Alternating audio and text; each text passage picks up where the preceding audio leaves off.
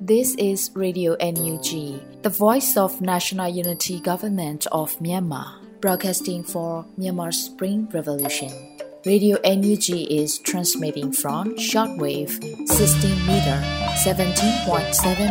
MHz at 8:30 a.m. and 25 meter 11.94 MHz at 8:30 p.m. Myanmar Standard Time.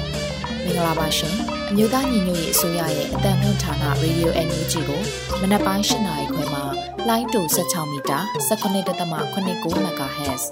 ညပိုင်း၈နာရီခွဲမှာလိုင်းတူ25မီတာ17.6 MHz တို့မှာဓာတ်ရိုက်ဖမ်းယူနိုင်စေနိုင်ပါရှင်။မင်္ဂလာအပေါင်းနဲ့ပြည့်စုံကြပါစေ။အခုချိန်ကစပြီး Radio NUG အစီအစဉ်လေးကိုဓာတ်ရိုက်အတန်လွှင့်ပေးနေပါပြီရှင်။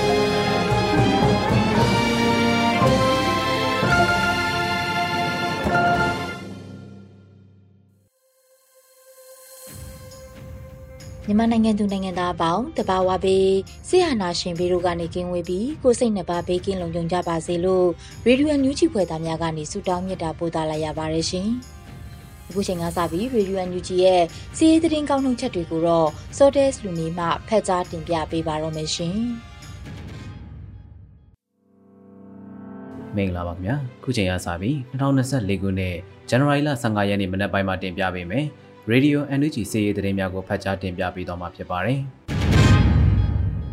ပထမအဆုံးအနေနဲ့အုပ်ဖို့မျိုးနယ်မှာပြည်သူစစ်တပ်နန်းတက်ရောက်ရန်စုစုနေတဲ့စစ်ကောင်စီတပ်ကိုတိုက်ခိုက်ပြီးပြည်သူ30ကျော်ကိုကယ်ထုတ်ခဲ့တဲ့သတင်းကိုတင်ပြပေးသွားပါမယ်။ပဲခူးတိုင်းနောက်ချမ်းတာယာဝတီခိုင်အုပ်ဖို့မျိုးနယ်မှာပြည်သူစစ်တပ်နန်းတက်ဖို့လူစုနေတဲ့စစ်ကောင်စီစစ်ကြောင်းကိုတိုက်ခိုက်ခဲ့ပြီးဒေသခံပြည်သူ30ကျော်ကိုကယ်ထုတ်နိုင်ခဲ့တယ်လို့ Black Dragon JPK PDF ကထုတ်ပြန်ထားပါတယ်။အုပ်ဖို့မျိုးနယ်တွေကဝိုင်းကျေးရွာအုပ်စုအပိုင်းကန်းနီကျေးရွာနဲ့စင်တဲကုန်းကျေးရွာကဒေသခံပြည်သူတွေကိုပြည်သူစစ်တင်တန်းတပ်ဖို့အာရမလူစုနေချိန်ဇန်နဝါရီလ23ရက်နေ့မိုးလယ်3နာရီခန့်မှာတိုက်ခိုက်ခဲ့တာလို့သိရှိရပါတယ်။ကန်းနီကျေးရွာနဲ့စင်တဲကုန်းကျေးရွာကစစ်ကောင်စီကအုပ်ချုပ်ရေးမှူးများကပြည်သူစစ်အတွက်လူစုမပေးတာကြောင့်စစ်ကောင်စီတပ်ဖွဲ့ဝင်တွေကိုယ်တိုင်အာရမလူစုနေချိန်မှာတာယာဝတီခိုင်တရင်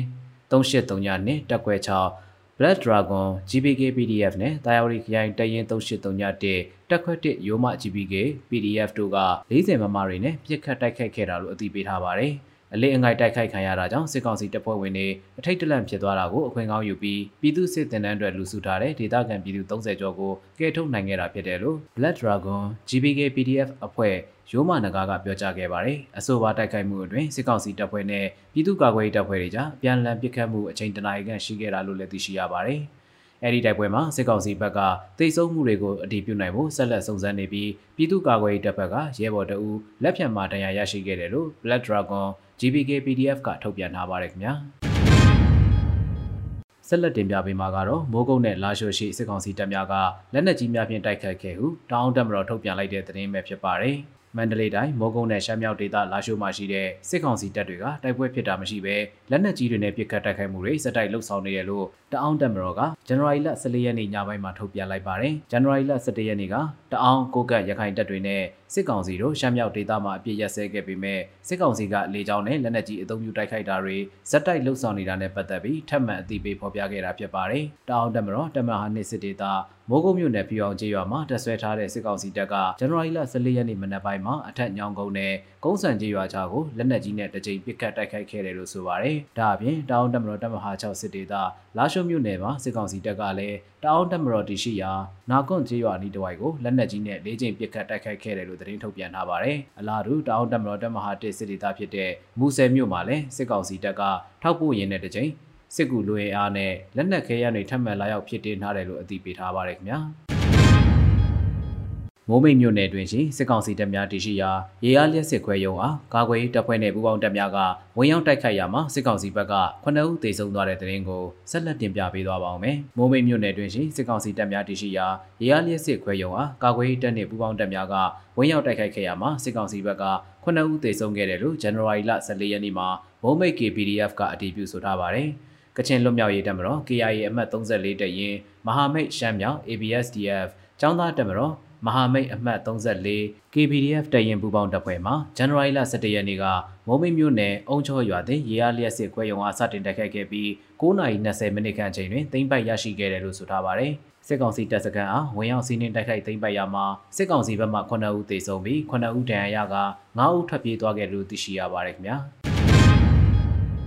ပကုတ်ခုခရိုင်ရဲစခန်းနဲ့ချီမြင်ဂိတ်ကို drone နဲ့ face wing များအသုံးပြု၍တိုက်ခိုက်ခဲ့တဲ့တဲ့တင်ကိုဆက်လက်တင်ပြပေးသွားပါဦးမယ်။ပကုတ်ခုခရိုင်ရဲစခန်းနဲ့ချီမြင်ဂိတ်ကို drone နဲ့ face wing များအသုံးပြု၍တိုက်ခိုက်ခဲ့တယ်လို့ January 14ရက်နေ့မှာပကုတ်ခု Special Gorilla Force ကအတည်ပြုထားပါတယ်။ဇန်နဝါရီလ17ရက်နေ့နဲ့23ရက်နေ့တို့မှာပခုတ်ကူခရိုင်ရဲစခန်းနဲ့ပခုတ်ကူအရှေ့ဘက်ချမ်းရှိစစ်ကောင်စီများအထိုင်ချတောင်းကျမ်းနေတဲ့ချီမြင်ဂိတ်တို့ကို drone နဲ့ face wing များအသုံးပြု၍ပုံတိချတိုက်ခိုက်ခဲ့တယ်လို့ဆိုထားပါတယ်။ တိုက်ခိုက်မှုမှာပုံသီးများဟာစစ်ကောင်စီများ၏ဘန်ကာများလိုင်းကန်ဆောင်များပေါ်သို့တက်တက်မက်မက်ကြာရောက်၍စစ်ကောင်စီနှင့်ပြူများအထိကိရှိတယ်လို့သိရှိရပါတယ်။စစ်စင်ရေးကိုပကုတ်ကူမြို့နယ်ပကဖတက်ခွဲ1ပကုတ်ကူ Special Gorilla Force PSGF ပကဖပခုတ်ကူ Special Task Force ပကဖနှင့်မဟာမိတ်တပ်ဖွဲ့များဖြစ်သောမြေလက်ဒေသပျောက်ကြားတပ်ဖွဲ့ MRG ပခုတ်ကူခရိုင်တပ်ရင်း3ပခုတ်ကူခရိုင်တပ်ရင်း10ပခုတ်ကူခရိုင်တပ်ရင်း14ညီနောင်သုံးဘော်ပြည်သူ့ကာကွယ်ရေးတပ်ဖွဲ့ ပကံညောင်ဦး Special Task Force Kingsman UG Force တို့မှပါဝင်ခဲ့ကြောင်းသိရှိရပါတယ်ခင်ဗျာ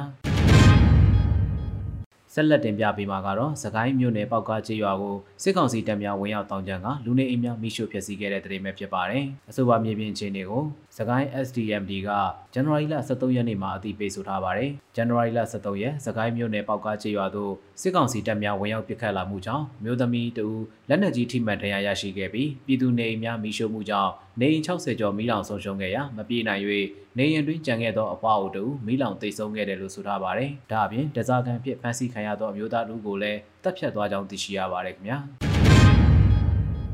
အခုနောက်ဆုံးအနေနဲ့ပခုတ်ကူမြို့နယ်ပကဖတက်ခွဲနေမှရဲဘော်များမောမန်တင်နန်းစင်ပွဲရဲဘော်များထံသို့ လက်နက်ပစ္စည်းများတက်ဆင်ပေးတဲ့တဲ့ရင်ကိုတင်ပြပေးသွားပါဦးမယ်။အဆိုပါတဲ့ရင်ကိုဇန်နဝါရီလ14ရက်နေ့မှာ Yan Force UG ကတရားဝင်အသိပေးဆိုထားတာဖြစ်ပါတယ်။ဇန်နဝါရီလ23ရက်နေ့မှာပခုတ်ကူမြို့နယ်ပကဖတက်ခွဲနေမှရဲဘော်များမောမန်တင်နန်းစင်ပုံရိပ်များဖြစ်ကြပါတယ်။လိုကယ်များအဖြစ်မှာ MOD ၏လမ်းညွှန်မှုအောက်ကိုပြောင်းလဲတာဝန်ထမ်းဆောင်သည်မှာကြာပြီဖြစ်တော်လဲယခုအချိန်မှပြည်သူလူထုထံသို့ချပြခြင်းဖြစ်ပါတယ်လို့ဆိုထားပါတယ်။တက်ခွဲနှစ်မှာတပ်ဖွဲ့ဝင်ပေါင်း၈ဖွဲ့ထိပါဝင်ပြီးတင်းနှန်းစင်ပွဲမှာရဲဘော်များထံသို့ စစ်လက်နက်ပစ္စည်းများတရားဝင်လွှဲပြောင်းပေးအပ်ခဲ့တယ်လို့သိရှိရပါတယ်ခင်ဗျာအခုတင်ပြတဲ့စီးရီးသတင်းတွေကိုတော့ Radio NUG သတင်းတောက်မင်းတီဟန်နဲ့ကိုခန့်တို့ကပေးပို့ထားတာဖြစ်ပါတယ်ကျွန်တော်စောတဲလူနေပါ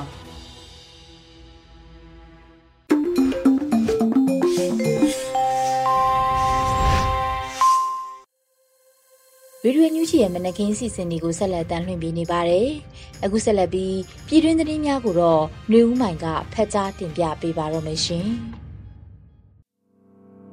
မင်္ဂလာပါသောတာရှင်များရှင်။အခုချိန်ကစပြီး Radio UNG ရဲ့ဇန်နဝါရီလ15ရက်နေ့မနက်ခင်းပြည်တွင်းသတင်းများကိုဖတ်ကြားပေးပါတော့မယ်။ကျွန်မကတော့ຫນွေဦးမိုင်ဖြစ်ပါတယ်ရှင်။ပထမဆုံးသတင်းအနေနဲ့လူခွင့်ရေးဆိုင်ရာဝန်ကြီးဌာန၏အကြံပေးအဖွဲ့ဖွဲ့စည်းမှုအခြေအနေအားထုတ်ပြန်တဲ့သတင်းကိုတင်ပြပေးချင်ပါတယ်။လူခွင့်ရေးဆိုင်ရာဝန်ကြီးဌာန၏အကြံပေးအဖွဲ့ဖွဲ့စည်းမှုအခြေအနေအားထုတ်ပြန်လိုက်ပါတယ်။ဇန်နဝါရီလ14ရက်မှာလူခွင့်ရေးဆိုင်ရာဝန်ကြီးဌာနက အကြံပေးအဖွဲ့အားဖော်ပြပါတယ်။အကြံပေးအဖွဲ့ဝင်များ၏စုံလင်ကွဲပြားသည့်ကျွမ်းကျင်မှုများနဲ့လူခွင့်ရေးပေါ်တနိဋ္ဌာန်ခိုင်မာမှုများသည့်ဝန်ကြီးဌာန၏လုပ်ငန်းများကိုတည်တာထင်ရှားစွာအထောက်အကူပြုနိုင်မည်ဟုလေးနဲ့စွာယုံကြည်ကြောင်းဆိုထားပါတယ်။လူခွင့်ရေးဆိုင်ရာဝန်ကြီးဌာနမှအကြံပေးဖို့အဖွဲ့အားပြင်ဆင်ဖွဲ့စည်းရာတွင်ဒေါခင်လေးခွန်နွေဦးဒေါ်မေပလဲတွေဒေါ်ဟေမန်ဂျာဘင်အလုံးတို့ပါဝင်ပါတယ်ရှင် ဆလပီအကြံဖက်စစ်တပ်စီကတင်စီရမိတဲ့ဟောင်းဝဇာလိုအမြောက်များနဲ့စစ်စင်ရေးမှာပြန်လည်အသုံးပြုလာနိုင်တဲ့သတင်းကိုတင်ပြပေးပါမယ်။အကြံဖက်စစ်တပ်စီကတင်စီရမိတဲ့ဟောင်းဝဇာလိုအမြောက်များနဲ့စစ်စင်ရေးမှာပြန်လည်အသုံးပြုလာနိုင်တယ်လို့အမျိုးသားရင်ငွေရေးအစိုးရဝန်ကြီးချုပ်ယုံပြောရေးဆိုခွင့်ရှိသူဦးနေဘုံလက်ကပြောပါရယ်ဇန်နဝါရီလအတွင်းຫນွေဦးမှန်ကူကွက်များအစီအစဉ်အပိုင်းစစ်တစ်ဆွေးနွေးသုံးသက်ချက်မှာအမျိုးသားရင်ငွေရေးအစိုးရ ဝန်ကြီးချုပ်ယုံပြောရေးဆိုခွင့်ရှိသူဦးနေဘုံလက်ကပြောကြားထားပါတယ်။သိမ့်မိတဲ့ဟောင်းဝဇာတွေနဲ့ပြန်ပြစ်လို့ရလားဆိုတာပေါ့အဲ့ဒါတွေနဲ့ပြန်ပြစ်လို့ရတာပေါ့တခုတော့ရှိတာပေါ့အချမ်းဖက်စစ်တပ်ဘက်ကကျင့်သုံးသလိုမကောင်းသူထိတ်ကောင်းသူထိတ်လို့တော်လိုင်းအင်အားစုဘက်ကကျင့်သုံးလို့မရဘူး။ဟောင်းဝက်စားလိုအမြောက်မျိုးကတေချာတွက်ချက်ပြီးပြစ်ရတာမျိုးပါ။အဲ့တော့ဒါကိုပြစ်နိုင်ခတ်နိုင်ပြစ်နိုင်စင်နိုင်တဲ့လူကရှိပြီးသားပါ။လုတ်ပေးမဲ့ပညာရှင်တွေလည်းအများကြီးရှိပါတယ်။ ငကြင်းစီနဲ့ငကြင်းပြန်ကြော်မဲ့ဟာမကြမီလာမီမျောလို့ပဲပြောရမှာပေါ့လို့ဆိုပါတယ်။လက်ရှိမှာမြို့သားရင်ငွေရဲ့အစိုးရကာကွယ်ဝင်ကြီးဌာနရဲ့ပြည်သူ့ကာကွယ်ရဲဘော်များဟာမဟာမိတ်ညီနောင်များနဲ့လက်တွဲတိုက်ပွဲဝင်နေမှုများလည်းရှိနေပါတယ်ရှင်။မင်းလှမြို့နယ်တွင်ပြည်သူစစ်များဖွဲ့စည်းနိုင်ရန်ကူညီပေးသူများကိုထိရောက်စွာအရေးယူမိဟုပကဖသတိပေးတဲ့သတင်းကိုနောက်ထပ်တင်ပြပေးချင်ပါတယ်။ပဲခူးတိုင်းတာယာဝတီခရိုင်မင်းလှမြို့နယ်အတွင်းမှာရှိတဲ့ ရက်ွက်ကျေးရွာတွေမှာပြည်သူစစ်များဖွဲ့စည်းနိုင်ဖို့ကူညီပေးသူတွေကိုထိရောက်တဲ့အရေးယူမှုတွေလှုံ့ဆော်သွားမယ်လို့မြို့နယ်ပါကဖကဇန်နဝါရီလ14ရက်မှာသတင်းထုတ်ပြန်လိုက်ပါတယ်။မင်းလာမြို့နယ်အတွင်းပြည်သူစစ်အမိဖြင့်အတင်းကျပ်လူစုပေးနေတဲ့သူတွေကိုရည်ရွယ်ပြီးမြို့နယ်ပြည်သူ့ကာကွယ်ရေးအဖွဲ့ကတတိပေးချက်တဆောင်ထုတ်ပြန်လိုက်တာဖြစ်ပါတယ်။အကြမ်းဖက်စစ်ကောင်စီဟာရက်ွက်ကြေးရွာတွေမှာမိမိတို့ရဲ့ရွာကိုကာကွယ်ဖို့ဆိုတဲ့အကြောင်းပြချက်နဲ့ပြည်သူစစ်အမိတက်ပြီးလူအင်အားစုဆောင်းနေတာလို့ဆိုပါတယ်။ အခုလိုလူအင်အားစုဆောင်းနေတာဟာပြည်သူလူထုကိုကာကွယ်ဖို့မဟုတ်ဘဲအကြမ်းဖက်စစ်ကောင်စီတပ်မှစစ်မှုထမ်းခိုင်းဖို့လူစုဆောင်းနေတာဖြစ်တဲ့အတွက်ဒေသခံပြည်သူတွေအနေနဲ့ဒါကိုလက်မခံကြဖို့လဲမြို့နယ်ပါကဖကအတိပေးထားပါတယ်။ဒေသခံပြည်သူလူထုကိုဖိအားပေးပြီးစစ်ကောင်စီအတွက်လူစုပေးနေတဲ့သူတွေအနေနဲ့မိမိတို့အသက်ကိုတန်ဖိုးထားရဆိုရင်စစ်မလုပ်ဖို့မင်းလာမြို့နယ်ပြည်သူ့ကာကွယ်ရေးအဖွဲ့ကတတိပေးထားပြီးမလိုက်နာသူတွေကိုအရေးယူသွားမှာဖြစ်တယ်လို့ထုတ်ပြန်ထားပါတယ်။ ထို့အပြင်မြင်းလာမြို့နယ်ပိုင်းရိုးမပေါ်ကိုစစ်ကောင်စီတပ်တွေစစ်ကြောင်းထိုးနေတာတွေရှိရာကြောင့်ထိတွေ့တိုက်ပွဲတွေဖြစ်လာနိုင်တဲ့အတွက်ပြည်သူလူထုအနေနဲ့စစ်ကောင်စီတပ်တွေနီးသွာလာနေထိုင်တာတွေမလုပ်ဖို့လဲအသိပေးထားပါရရှင်။ငါတို့ရဲ့ယုံကြည်မှုကိုမိရှုဖျက်ဆီးလို့မရဘဏ္ဍာကင်ဆွဲကလောင်းလုံးမြို့နယ်ထဲလူထုတပိတ်လှုပ်ရှားတဲ့တဲ့ုံနောက်ဆုံးတင်ပြပေးချင်ပါတယ်။ငါတို့ရဲ့ယုံကြည်မှုကိုမိရှုဖျက်ဆီးလို့မရဘဏ္ဍာကင်ဆွဲက လောင်လုံးမြို့နယ်ထဲလူထုတပိတ်လှုပ်ရှားခဲ့ပါတယ်။ဇန်နဝါရီ14ရက်မှာဒဝဲခရိုင်ဒီမိုကရေစီအရေးလှုပ်ရှားမှုတပိတ်ကော်မတီ DDMSC မှဦးဆောင်ပြီးငါတို့ရဲ့ယုံကြည်မှုကိုမိရှုဖျက်ဆီးလို့မရခေါင်းစဉ်နဲ့စစ်အာဏာရှင်စန့်ကျင်ရေးလူထုတပိတ်လှုပ်ရှားမှုလှုပ်ဆောင်ခဲ့ပါတယ်။အဲလှုပ်ရှားမှုကိုလောင်လုံးမြို့နယ်ထဲမှာပြုလုပ်ခဲ့တာဖြစ်ပြီးဒေသခံအမျိုးသမီးလူငယ်တွေအပါအဝင်ပြည်သူလူထုပူပေါင်းပါဝင်မှုနဲ့အတူ လှုပ်ဆောင်ခဲ့ပါတယ်။အကြမ်းဖက်စစ်ကောင်စီတပ်သားတွေဟာဒီဇင်ဘာလ28ရက်နေ့ကနေဇန်နဝါရီလ23ရက်နေ့အထိ18ရက်ကြာစစ်ကြောင်းထိုးဝင်လာပြီးလောင်းလုံးမြို့နယ်တွေကကျေးရွာတချို့မှာနေအိမ်140ခါမိရှုဖျက်ဆီးခဲ့ပါတယ်ရှင်။အခုတင်ပြခဲ့တဲ့သတင်းတွေကို Radio UNG သတင်းထောက်မင်းတီဟာနဲ့ကိုခန့်တို့ကပေးပို့ထားတာဖြစ်ပါတယ်ရှင်။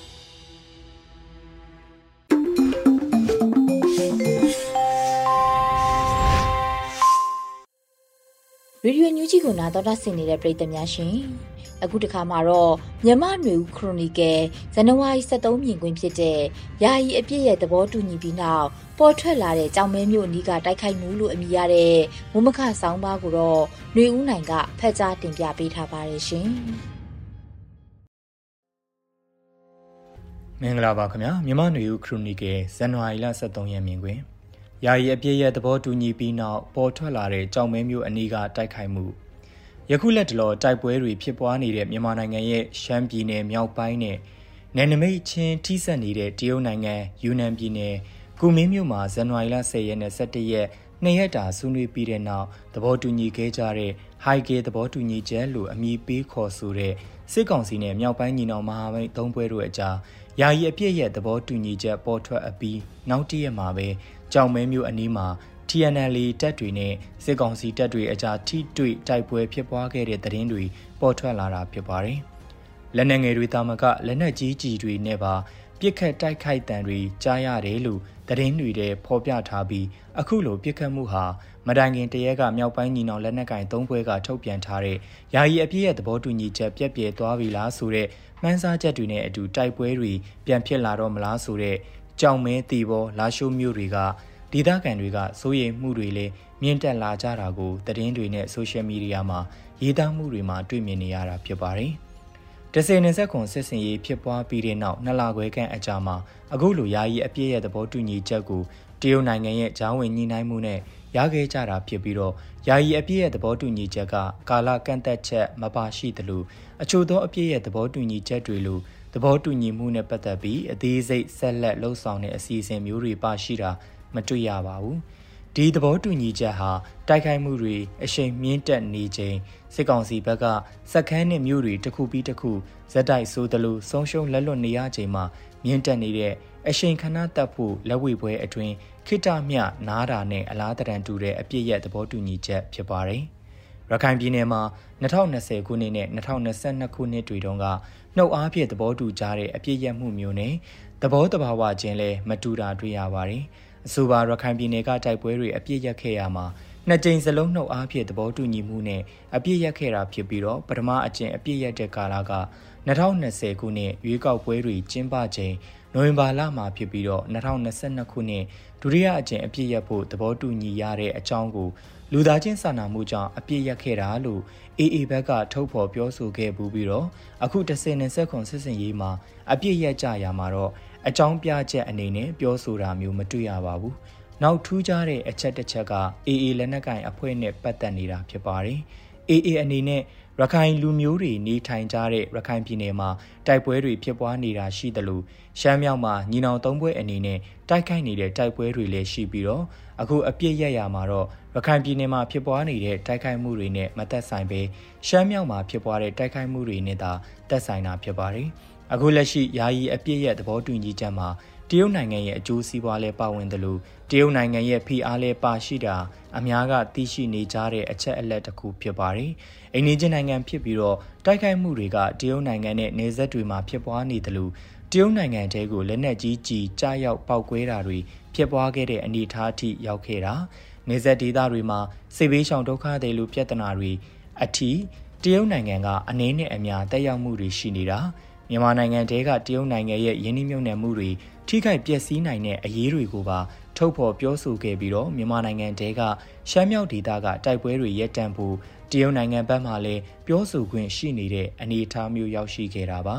မြန်မာစစ်ကောင်စီဘက်ကလည်းတနေ့တနေ့လက်လွတ်ဆုံးရှုံးနေရတဲ့စစ်စခန်းတွေ မြို့တွေနဲ့ယာကနန်းထောင်ကနန်းချီလက်နက်ချနေတဲ့၎င်းတပ်တွေရဲ့ဖျို့ဖျဲဖြစ်မှုကိုပြန်လည်ထိန်းသိမ်းစုစည်းဖို့အပြည့်ရဖို့အသေးအတန်ဖြစ်နေတယ်လို့အများကခံမှန်းယူဆကြတာပါ။မြောက်ပိုင်းညီနောင်လက်နက်ကိုင်အဖွဲ့၃ဘွဲ့အနေနဲ့တော့ဇက်တိုက်ရနေတဲ့စီရေးအောင်ပွဲတွေကိုတန့်သွားတဲ့သဘောဖြစ်စေနိုင်တဲ့အပြစ်ရဲ့သဘောတူညီချက်ကိုလိုလိုလားလားရှိကြမှာရှိမှာဖြစ်ပါတယ်။တရုတ်ရဲ့လူလားချက်နဲ့စစ်ကောင်စီရဲ့အသေးအတန်လိုအပ်နေတဲ့အပြစ်ရဲ့သဘောတူညီချက်ကို မနေ့ကကြောင်မဲမျိုးအနေကတိုက်ခိုက်မှုတွေကပြက်ပြဲသွားစီလားဆိုတာတော့ခုချိန်ထိဘယ်အဖွဲ့ကမှထုတ်ဖော်ပြောဆိုတာမတွေ့ရသေးပါဘူး။မြောက်ပိုင်းညီနောင်အဖွဲ့ကကြောင်မဲမျိုးအနီးကတိုက်ပွဲနဲ့ပတ်သက်လို့ထုတ်ပြန်ချက်ထုတ်ပြန်ခဲ့ပေမဲ့ပြက်ပြဲသွားပြီလို့တော့ပြောဆိုခြင်းမတွေ့ရသေးပါဘူး TNL ဘက်ကထုတ်ပြန်ရမှာစစ်ကောင်စီအနေနဲ့အပြစ်ရဲ့သဘောတူညီမှုကိုချိုးဖောက်တယ်ဆိုတဲ့သဘောမျိုးသာပြောဆိုထားပြီးတော့ပြက်ပြဲသွားတယ်လို့တော့ပြောဆိုထားတာမတွေ့ရပါဘူး ယာယီအပြစ်ရမှုကဘယ်လောက်ခံမလဲဆိုတာမမှန်းဆနိုင်ပေမဲ့အခုယာယီအပြစ်ရမှုကိုအခွင့်အလန်းတစ်ခုအဖြစ်အသုံးချပြီးတော့စီရေးသမဟုတ်နိုင်ငံရေးအရာအကျိုးအမြတ်တွေရရှိအောင်စ조사ကြမှာလက်ဝယ်မရသေးတဲ့အခွင့်အလန်းတွေကိုစုပ်ကင်ဖို့လက်ဝယ်ရောက်ပြီးသားအခွင့်အလန်းတွေကိုခိုင်မာအောင်လှုံ့ဆော်ဖို့ကအရေးကြီးတာဖြစ်ပါတယ်။မြောက်ပိုင်းညီနောင်သုံးဘွဲ့အနေနဲ့လက်ဝယ်ရောက်ရှိထားတဲ့စစ်စခန်းတွေမြို့တွေကိုကောင်းကောင်းမွန်မွန်ထိန်းသိမ်းထားနိုင်ဖို့မြို့တွေရဲ့အုပ်ချုပ်ရေး လူမျိုးစုမတူတဲ့ဒေသတွေကိုတရားမျှတစွာအမျှော်မြင်ရှိစွာနဲ့အုပ်ချုပ်ထိန်းသိမ်းထားနိုင်ဖို့က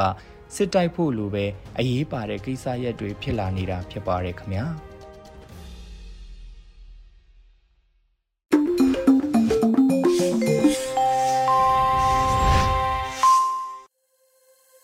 ရေဒီယိုညူးကြီးကိုနာတော်တာဆင်နေတဲ့ပရိသတ်များရှင် အခုတခါတင်ဆက်ပေးမှာကတော့တော်လှန်ရေးတေးဂီတာအနေနဲ့တေးဆိုထရိုရဲ့ခရီးလူအမည်ရတဲ့တော်လှန်ရေးတေးဂီတာကိုနားဆင်ကြရတော့မှာဖြစ်ပါတယ်ရှင်။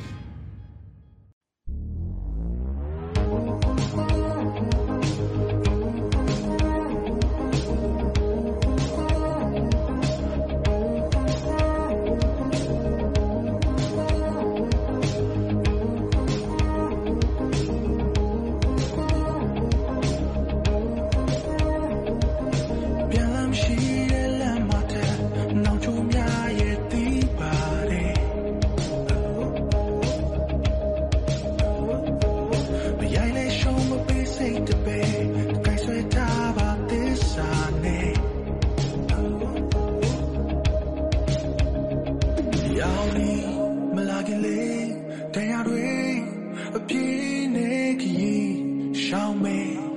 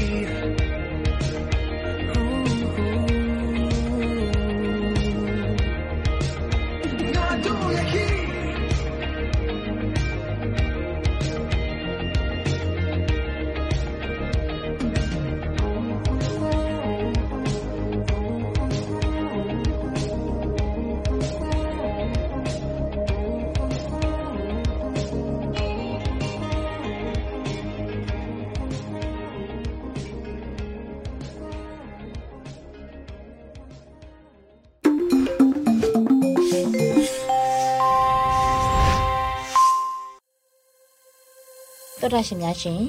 အခုနောက်ဆုံးအနေနဲ့တိုင်းရင်းသားဘာသာစကားနဲ့သတင်းထုတ်လွှင့်မှုအစီအစဉ်မှာတော့မတူပီချင်းဘာသာဖြင့် The မတူပီ Style မှတပတ်အတွင်းသတင်းတွေကိုနားဆင်ကြရတော့မှာဖြစ်ပါတယ်ရှင်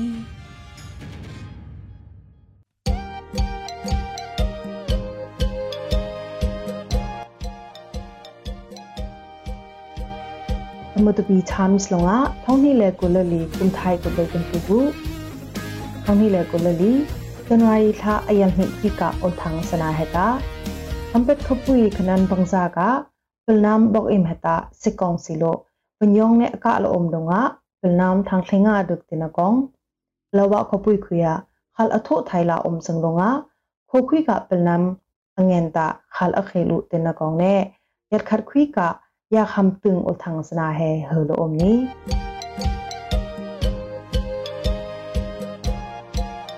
สกายขดุงอัมเบตขบุยกันนันวังซาคุยกะตุลนามบกอิมเฮตาทองนี่เลกุลลีจันวารีลานิสริมันจังขนปราเบงะสิกองสิโลวิญญองเนบุมอัทักทิลติลาโอทังยากละอมวิญญองเนบุมอัทักทิลดงะบกอิมคุยกะอักปุมลีปลนามทางเลิงาดึกตีทางซ้อมทุมโลบังหาอดังละอมแต่ก็อักดึกทางเลิงาคุยะเสมอปนหิขอทุม คำเป็ดขบุยเหตาเป็นน้ำขลกาขบโลท้องนี่แหละกุลทุมจันวารีทาคุยาสิกองสีกุดหุยลำกโลเป็นน้ำขลกาขบโลอเคิมปูอุทัยขบุยประคัดละอมชิงขบลแปลว่าขบุยคุยกะเป็นน้ำขลตาขาลอขิดงะอังเงินตาขาลอขิลุละอมแปลว่าขบุยคุยกะปลิกยุ่งแฮยะไคเอเอโลจันวารีทานินฮิอะอเคิมปละอมตีปลิกสนาประคัดขออมบลปอ ยากให้เอเอขลกับตาเปลวะขบุยาอัมมุนอโลละอมซังสิกองสีกุดมุยกะปลิกยุงะปลิกประคัดขออมบลปอခလာရရင်ဟိစမရက်ပကွာအုံနဘန်လာဘယငူခိုခွိကအေအေခလကဖကလိုဟွန်းအငန်အလိုဥစံတေလခောခိုခွိကကအုံပလနမ်ပခတ်လိုတမတပီချမ်စတင်ငါအထွီတဟေကဘင်္ဂလာအေအေခလကပလိုဘလဝပေငါခလအတုကလာအုံဒုံငါဘလဝကပလနမ်ခက် อัตละอยู่งูติลำคออยากละอมละว่ากะขาลอักเคทังละก็อมทังมีตาทังกุลไทยอภัสังติซากโอกสดิงนะเบนอมนะบืบนามมูกาเนอัตสนาแหมืบอังเอติลาซีรีเอฟปละวะเบนโลอลทางอเฮเอเอขลกับเนซีรีเอฟมารามตาบุงยงอุติละวะเบนกะสิกองซีเยนงบูบยูฮากงตรนอันบูฮากง ပွတ်ဤထုံစမ်စီပစရီစခန်ကုံနဲ့ရှင်လဝစခန်စနာပါအခမ်ပူလာအုံအကတန်ဘုံစီကောင်စီစခန်ဟခောဘိခမ်ပလောအုံနီတလာယက်လောအုံ Southern Military Region ka ka om PDF Special Operation Training ka kai pilnam khal kap khaka closing ceremony hata sasung namun pakhada asayuti National Unity Government and Eugene lamkolong kho lampok sana apegula om the Haga training closing ceremony a NUG ka du sidde da khwai mun ne yebo Jupiter he kho thum ti Spring Revolution kong ne tu kai akong lam ming ham koi he pel nam khal ka khok tenga ol un na ol ne thapik na ol pi pu uti PDF ben lam lung kho om ngai sel athoyu yakhain khobal nya u peng chau do khopui ka sikong se khal ka tang shi tang bi ha sakhan ka khalka bi ni thlai heta arkan army ee tingla boi lu du tila ee ben lo thong ni le kulali janwai tha ni red hina ol thang a tha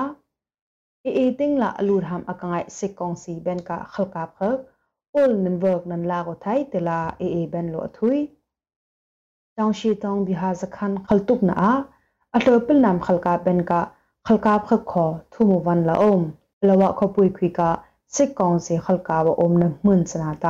ဇခန်ခလတုကနာအလှပလနမ်ခလကာပန်ကခလကာဖခခောထုမဝန်လာအုံးလဝခပွိခွိကစစ်ကောင်စီခလကာဝအုံးနမွန်းစနာတာအီအီလိုအယက်ငိုင်အလိုပူလာအုံးတီအကတန်မွန်းစနာခောထောင်းနှိလေကိုလလီဇန်နဝါရီခါနီစထရီနှင်လမ်ကလိုကပ်အတုံးစံတီလာအီအီ information အကဟုတ်နဘန်လိုအထွေတဒီမ်ခပွိကကောအုံး khalaya yinhi samrok pokwa ka sikong si khalka pathum hata phiriap zolan tenga haluru tila thongni le kolali january tha ni re him themben a phiriap zolan ulthang akuhut kung khaklo ulthang atha tedim khopui khalaya yinhi samrok pokwa ka khalka khakhata sikong si kutmuya bibiham ngai bal padonga ama ka တဒီမခပွိခလာယယင်းဟိစမုတ်ပကွာကခလကပ်ခခတာစေကုံစီကုမှုယဘီဘီဟမ်ငိုင်ဘလပဒုံငါအမာကလမ်ပုတ်စခဖိနာဖိရယပ်ဇိုလန်လာဟလူဒူတီဟဲမင်းလာအုံး anhukung ka olthang hata chen fighter chu swagan hata thauni kumkul kumli kum atong na ufc leilang na paya ta na adang thaila om thauni kumkul kumli january ni kheli minsang asayu ufc paya brazil thang philippines bunes ne thak hoi ti second rong ata thaila om บราซิลทางฟิลิปปีบิวเนสเนถึกโฮยติสแกนรองอาตาไทยละอม Brazil thang heta aku ko bhang senti Joshua van hamla fast ronga bet khaina atong di scan rong ta van ka pressure apik thaina khang ne Philippi Bunes he sung la om te he ka athak thi kana Joshua van heta UFC poi thak thi na Kazakhstan ko ka fighter pakhat ne ปีรูโคกาไฟตาขัดโคอตาทายตลาอุลทางยากละอม tamatabi times of thang he thala om ti anu chi radio lam kolong kho direct na tu na thai sang radio ne tun ham kai long ta kul khu ka atu yal takum chani khat min chang khanak parel le chowinga 16 meter 17.79 megahertz long kho na tu na thai sang te ka kanya su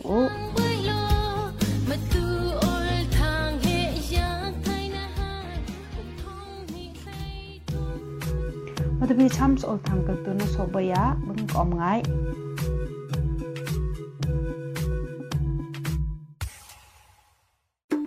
ဒီကနေ့ကတော့ဒီညနဲ့ပဲ Radio NUG ရဲ့အစီအစဉ်လေးကိုခਿੱတရနာလိုက်ပါမယ်ရှင်။မြမစံတော်ချိန်မနက်၈နာရီခွဲနဲ့ည၈နာရီခွဲအချိန်တွေမှာပြန်လည်ဆုံတွေ့ကြပါစို့။ Radio NUG ကိုမနက်ပိုင်း၈နာရီခွဲမှာ လိုင်းတူ16မီတာ19.8 MHz